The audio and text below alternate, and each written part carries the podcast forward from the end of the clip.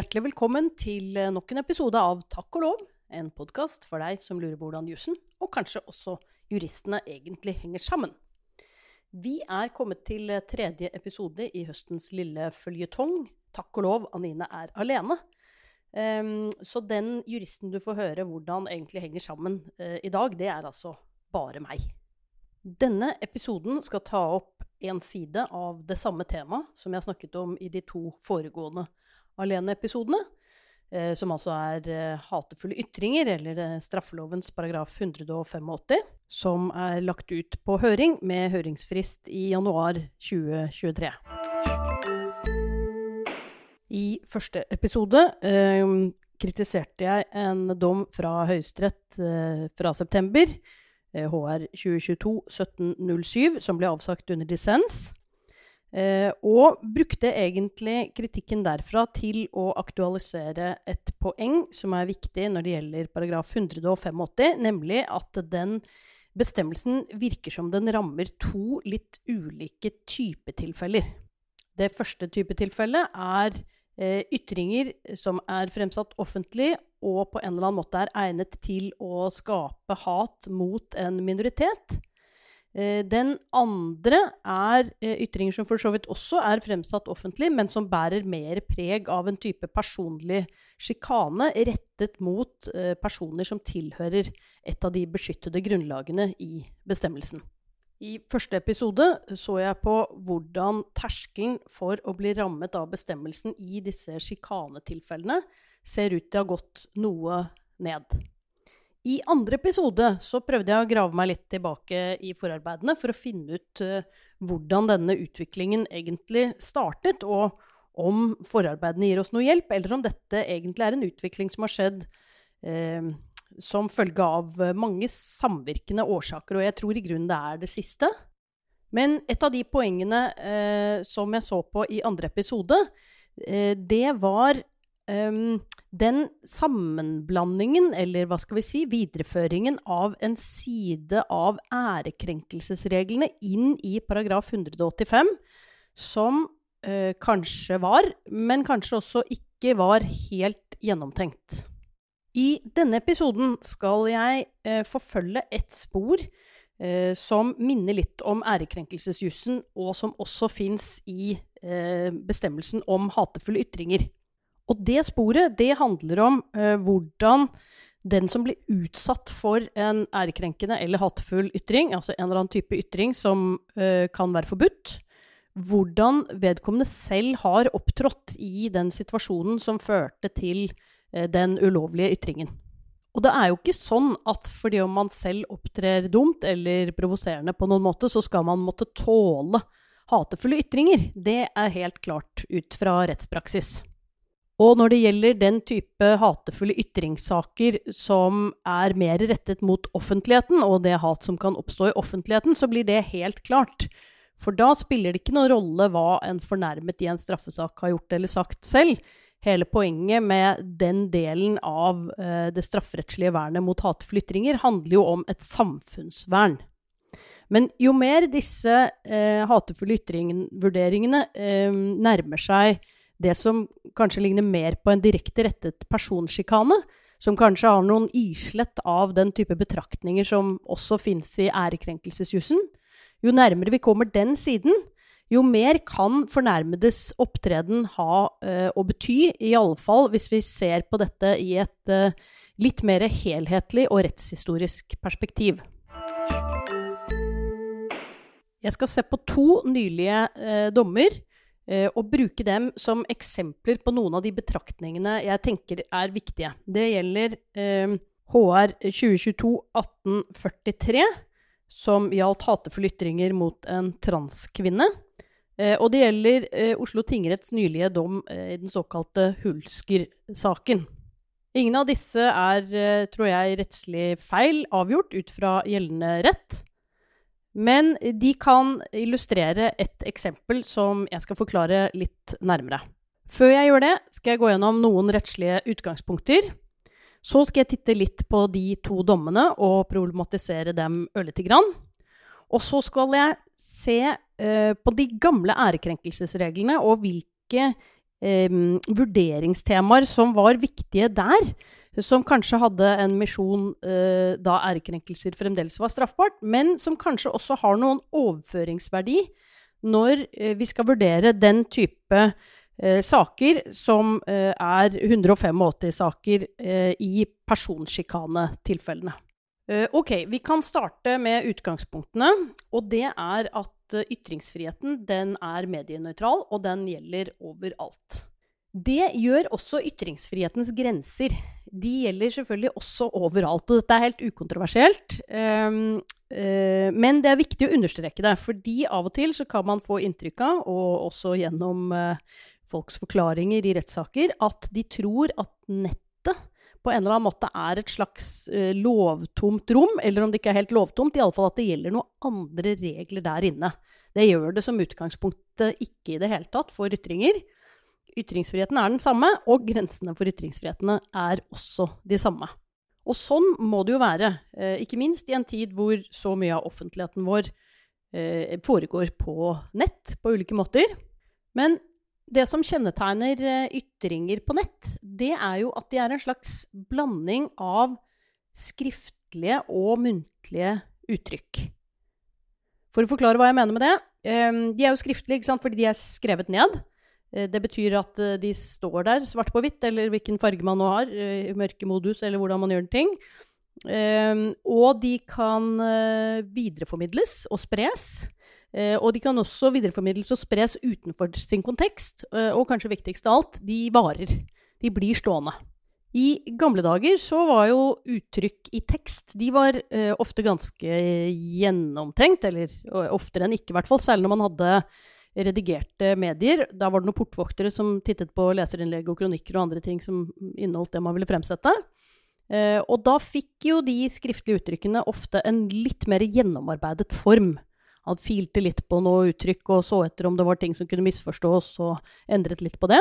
Det er jo ikke tilfellet i nye dager, alltid på internett iallfall. Da eh, er det jo ofte mer eh, impulsivt, det som skrives en type skriftliggjøring av en muntlig samtaleform.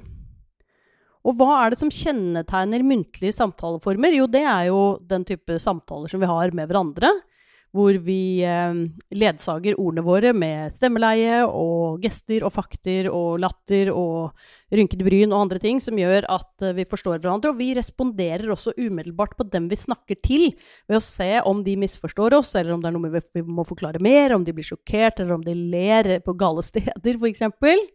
Alle de justerende elementene som inngår i en sånn dynamisk samtale, det blir jo borte borte når vi overfører den muntlige samtaleformen til skrift på nett. Og det gir i grunn rom for en rekke misforståelser. Um, det er kanskje noen av lytterne som har opplevd å bli misforstått hvis de har prøvd seg med ironi i en e-post f.eks., eller andre steder. Uh, det problemet brer seg jo jo mer man holdt jeg på å si, overfører uh, den muntlige samtalen sin til en skriftlig form på nett.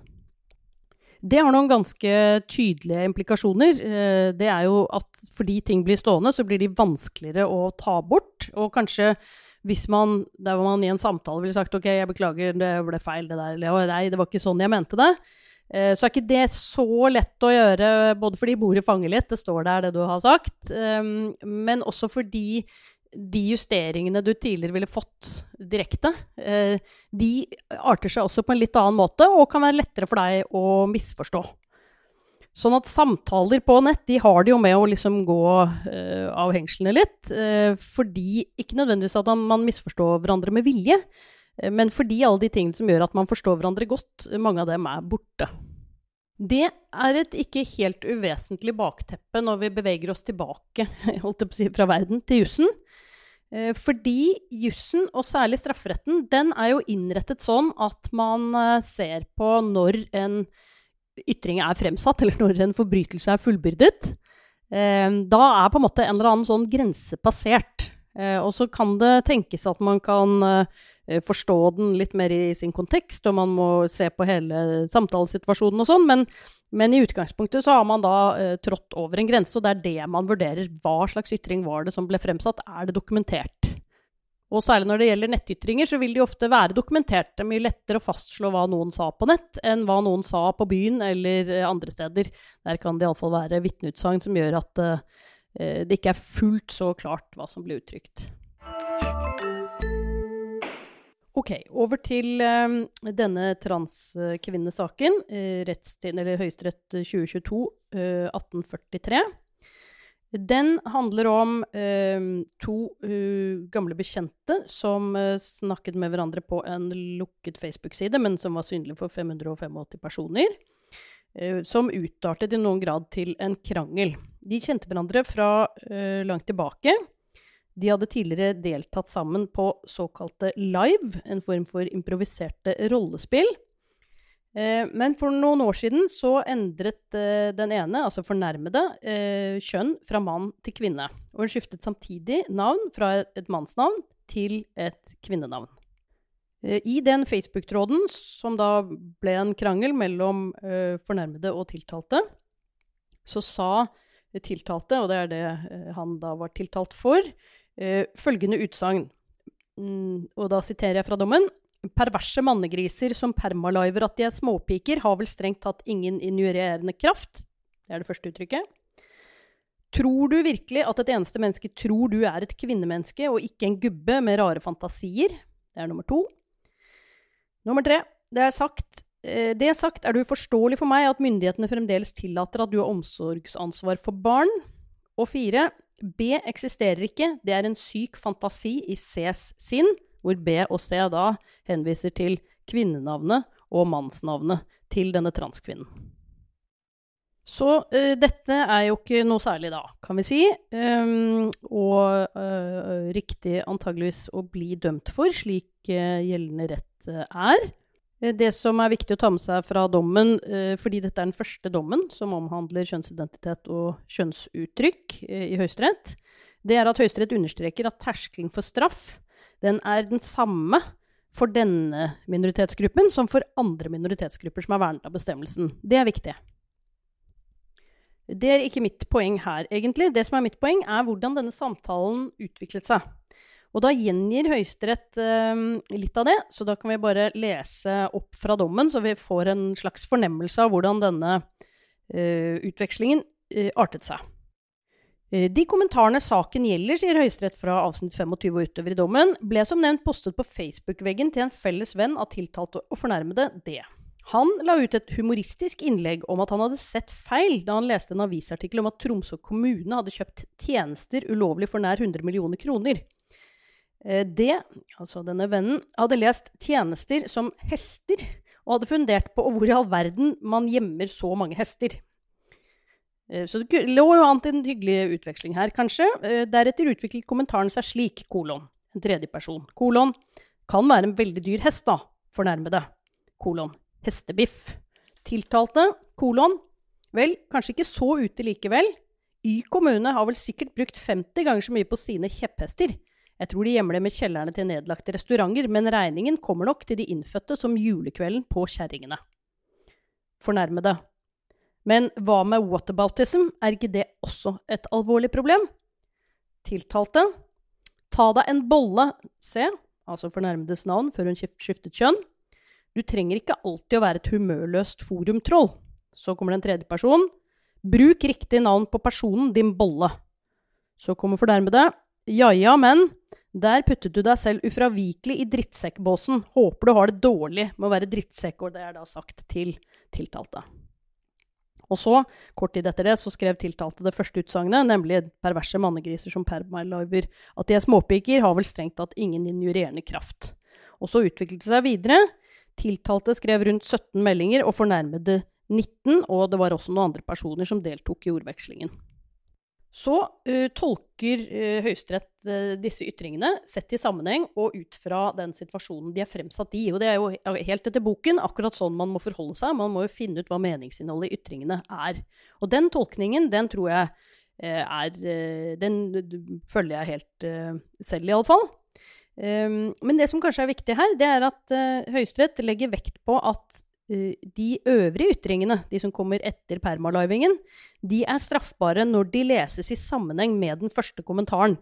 Så det er måten de er fremsatt på i sammenheng, den, eh, det meningsinnholdet som fremkommer da, som rammes som hatefulle ytringer av straffelovens 185. Men styrende for den tolkningen, det er det første uttrykket. Det er noe tvil om dette utsagnet som gjelder omsorgsansvar for barn. Eh, men da gjengir Høyesterett en utveksling eh, som går som følger. Tiltalte kolon. Tror du virkelig at et eneste menneske tror du er et kvinnemenneske og ikke en gubbe med rare fantasier? Ja, de tør sikkert ikke å fortelle deg det, men de vet det og tenker det hele tiden, selv om de har medynk og politisk samlingspunkt. Fornærmede. Nei, men det er uvant at noen er så utilslørt drittsekk og prøver å gå såpass iherdig inn for det. Pussig at du også påstår at du er ok med det, etter alt det oppkastet av alt-right munnbæsj du sprutet utover. Men jeg har jo skjønt at på internett opererer du på en helt annen planet, planet drittsekk, åpenbart. Og så svarer tiltalte på det at han er drittsekk, helt klart, men hvorfor skal du absolutt trolle og provosere istedenfor å argumentere i enhver tråd? Det er jo totalt drittsekk, det også. Jeg har svart belte i å være drittsekk, men jeg bruker ikke superkreftene uten grunn. Oppkast, bæsj og sprut er vel strengt tatt litt barnehavenivå. Det sagt er det uforståelig for meg at myndighetene fremdeles tillater at du har omsorgsansvar for barn. Men uten at dette egentlig virker syndelig inn verken i uh, vurderingen av skyldspørsmålet eller straffespørsmålet.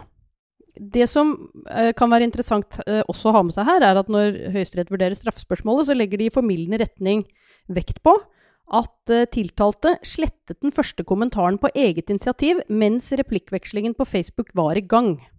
Og det er i grunnen noe jeg lurer på hvorfor ikke har vært vurdert bredere i denne dommen. For hvis man har uh, slettet et utsagn, så tenker jeg at man er i en ganske annen situasjon enn hvis man har fremsatt det og latt det stå. Hvis vi skulle parallellføre tilbake igjen til en muntlig samtale, så vil jo det være det samme som å si at jeg, jeg trekker det der tilbake, selv om det da ikke fremgår noen klar beklagelse heller i skrift her. Ut fra gjeldende rett så tror jeg for så vidt det er holdbart ikke å vektlegge dette heller under skyldspørsmålet. Eh, men det er her min lille grubling kommer inn, eh, ettersom denne retningen av 185 saker, altså denne type personlig sjikane basert på et minoritetsgrunnlag, eh, har en side også til de gamle ærekrenkelsesreglene. Som vi husker fra forrige episode, så Eh, er det iallfall sånn at man har holdepunkter i forarbeidene for å ha videreført den gamle bestemmelsen i straffelovens paragraf 246 om æresfølelse, altså den, den fæle følelsen du har av å bli tråkket på når noen sier noe fælt direkte til deg, ikke den omdømmesiden som gjør at andre får et annet syn på det. Ok, så mye om eh, dommen om eh, transkvinnen. Eh, jeg lovet jeg skulle eh, touche så vidt på den eh, Hulsker-dommen fra tingretten også. Den gjaldt jo en helt annen type situasjon, og som heller ikke var, gjaldt ytringer på nett, men på et utested. En, var det en karaokebar? Hvor Bernt Hulsker da ble dømt for å ha kalt en dørvakt, eller en vakt på stedet, for eh, neger. Eh, og det var også ledsaget av noen andre utsagn. Jeg går ikke her inn på noen nærmere analyse av den dommen, eller av terskelen for å komme inn i paragraf 185, men jeg skal bare ta med ett lite poeng, eh, som er at eh, i vurderingen av hvordan ytringen skal tolkes, og hva Hulsker selv forsto, så legger tingretten vekt på at tiltalte nokså umiddelbart uh, unnskyldte seg etter å ha fremsatt uh, de ytringene han ble dømt for. Den underbygger for tingretten både at tiltalte forsto at han hadde trådt over en grense, og at alle de andre som var til stede, oppfattet at han hadde trådt over denne grensen. Og det kan man jo være enig i. Det som kanskje er rarere, er at dette ikke blir vektlagt i noen grad verken når det gjelder skyldspørsmålet eller straffespørsmålet. Og da er vi litt tilbake igjen i den uh, situasjonen som uh, gjerne kunne oppstå i uh, de gamle ærekrenkelsessakene, nemlig at noen fremsatte en ærekrenkelse først, og så enten beklaget den etterpå. Da kunne man jo være fri for mortifikasjon, iallfall. Um, men det var også sånn at hvis man ble utsatt for en ærekrenkelse selv og gjengjeldte den med en annen ærekrenkelse, eller ble utsatt for et eller annet utilbørlig forhold, og gjengjeldte det med en ærekrenkelse, så kunne ærekrenkelsen være straffri. Et ellers ganske rigid eh, hva skal vi si, strafferettslig opplegg, hvor man så på gjerningstidspunkt og fullbyrde straffebud. Eh, det ble altså da myket opp i noen grad, fordi man så situasjonen litt mer i sin helhet. Eh, og tenkte at noen, noen, forhold mellom mennesker av den typen der, de kunne i grunnen nulles ut underveis. Mitt poeng her det er ikke at dette i hvert fall ikke skjedde i Hulsker-saken, og, og, heller ikke i transkvinnesaken, men at denne tilnærmingen til muntlige, kanskje særlig, ytringssituasjoner, eller ytringssituasjoner eh, helt generelt, eh, den kan jo kanskje ha noe for seg også i disse 185-sakene, i alle fall den delen av dem som handler mer om en type eh, person- eller individvern, eh, og kanskje mindre om et vern om den offentlige ro, orden og sikkerhet. Altså disse sjikanetilfellene, til forskjell fra disse sakene der hvor man legger mer vekt på at ytringene er fremsatt offentlig og er egnet til å skape et hat hos andre. Denne mer helhetlige tilnærming til ytringssituasjonen, den Eh, er ganske gjennomgående i EMDs eh, e praksis om eh, ikke for så vidt hatefulle ytringer, for det, der er det en helt annen type praksis i Strasbourg, men spørsmålet om ærekrenkelser. Der er nettopp tilnærmingen til dette med mer sånn et helhetlig blikk, hvor man ser på hele ytringssituasjonen, og også bidrag fra begge kanter, en, en, en vikt, et viktig moment å vurdere. Og et uttrykk for det er jo denne Brattholm-saken, eller eh, Nilsen og Johnsen mot Norge. Eh, henholdsvis eh, rettstiden 1993 side 537 i Norge og applikasjonsnummer 23.11.893 i Strasbourg, en dom fra 25.11.1999. Der Høyesterett for også, også, for så vidt ser eh, på dette og fremhever at den som selv bruker sterke ord, må tåle noe mer, eh, men hvor dette vektlegges i enda større grad i Strasbourg denne tankegangen, nemlig å se en ytringssituasjon mer i sin helhet, den er også eh, sentral når Norge blir dømt eh, noen år senere i den såkalte Tønsberg Blad-saken. Der er det slik at en ærekrenkende påstand om eh, er det manglende boplikt på Tjøme, kanskje, fremsatt av Tønsberg Blad, som i noen grad modifiseres i artikler som kommer senere i samme avis, og da flere måneder senere, det er noe Høyesterett uh, ser bort fra i sin ærekrenkelsesvurdering, sier at det kan man ikke legge vekt på. Men hvor Strasbourg sier det motsatte. Uh, the court is unable to share the Supreme Court's view that the reports of June 30 uh, and August 8, 2000, although published some time after det, et eller annet det opprinnelige uh, utgaven, Where of negligible, significance for the newspaper coverage seen as a whole. Og det er da det siste som er stikkordet her. Nå har jeg ikke referansen i hodet, men de skal jeg skrive i uh, episodeteksten. Eh, det var i den gamle ærekrenkelsesjussen en rekke teknikaliteter i forhold til hva provokasjoner eller forutgående ærekrenkelser, etterfølgende ærekrenkelser eller beklagelser eller tilbaketrekninger, hva de kunne brukes til, om de hadde betydning for skyldspørsmålet eller reaksjonsspørsmålet. Men det skyldtes jo at uh, de fulgte en strafferettslig logikk. Eh, der gjerningstidspunktet er ganske sentralt eh, for ulike typer vurderinger, også av denne art som dette. Sånn at det burde man jo ikke egentlig uh, trenge å gå tilbake til. Men hvis man kunne ta med seg den delen av utviklingen innenfor ærekrenkelsesjussen som handlet om Som startet for så vidt med muligheten for Eh, provokasjon eller retorsjon, altså det med forutgående eller etterfølgende eh, oppfølginger, kan man si, av en, eh, noen type ytringer i en, en ytringssituasjon. Og som utviklet seg og ble egentlig liksom bakt inn i en type rettsstridsvurdering da, om, om ærekrenkelsene var rettsstridige, som jo også var et ganske um, kronglete tilnærming til disse regelsettene. Eh, og isteden løftet blikket litt i disse ytringssakene og tenkte at i sånne ytringssituasjoner eh, så er det viktig å se ytringssituasjonen som en helhet. Og beholde mer av et sånt fugleperspektiv eh, før man går inn med strafferettslige eller andre typer sanksjoner av enkeltytringer. Og øhm, det gjelder kanskje særlig i en type muntlige eller mindre formelle ytringssituasjoner, hvor eh, ytringer som fremsettes, kanskje er mindre gjennomtenkt og gjennomarbeidet eh, enn det de er i, i, i mer eh, formelle settinger eh, av type avispolemikker, f.eks.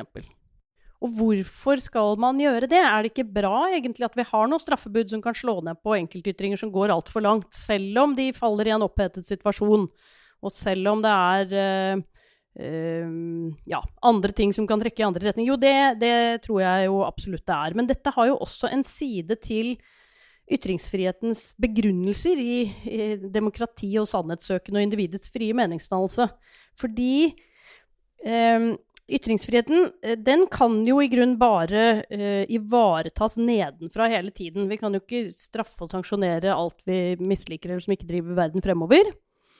Um, og det er jo helt selvsagt. Men i det så ligger det jo også at når man skal bygge ytringsfriheten nedenfra, så, så er på en måte ansvaret det er lagt ned tilbake til oss. Vi har ansvar for å reagere mot ytringer vi eh, misliker eh, eller liker. Altså, vi har et ansvar for å bruke ytringsfriheten vår enten til å si imot det vi er uenig i, eller heie frem det vi er enig i. Og det er måte det er der, det er den måten ytringsfriheten ivaretas og bygges opp hele tiden. Den kan jo ikke styres ovenfra, den må hele tiden ivaretas nedenfra. Og hvis man skal ta det på alvor, eh, så må man jo kanskje tenke at i alle fall i de situasjonene hvor den ytringsfriheten i noen grad virker da, fra flere sider. Hvor det blir ytringer og motytringer, og hvor det er noen som tar til motmæle, og det er noen som arresterer deg i, i kommentarfeltene og sier eh, 'ta deg en bolle', eller eh, 'ikke snakk sånn', eller 'hva er det du driver med nå', liksom. Og det igjen fører til at man faktisk modifiserer seg, da, eller sletter en kommentar som er fæl, eller gjør noe annet. At det eh, er en situasjon som eh, bedre ivaretas og ryddes opp i av borgerne selv eh, enn eh, på strafferettslig plan. Og det skal jo ikke bety at uh, utsatte grupper ikke skal ha et vern, for det er jo slett ikke alltid at noen er der og passer på dem på den måten. Men hvis det er en ytringssituasjon som i noen grad reparerer eh, de overtrampene som skjer eh, selv, så er det iallfall et spørsmål eh, om hvilken rolle rettsapparatet skal ha inn i denne type ytringssituasjoner. Og jeg tenker at det hensynet her, som jeg har vært litt opptatt av i denne episoden, det gjør seg langt mindre gjeldende i den delen av 185-sakene eh, som er eh, Ja, hva kom vi frem til i forrige episode? Den opprinnelige, som Høyesterett mente det var. Nemlig den som retter seg mer mot et samfunnsvern og mindre mot eh, sjikane. Men i de sakene som handler mer om sjikane og mindre om samfunnsvern, eh, så er det kanskje i alle fall grunn til å hente frem uh, også de lærdommene vi fikk av ærekrenkelsesreglene før de eh, forsvant ut av straffeloven og eh, ja, bare ble hengende igjen så vidt i paragraf 185, kanskje, eller kanskje ikke.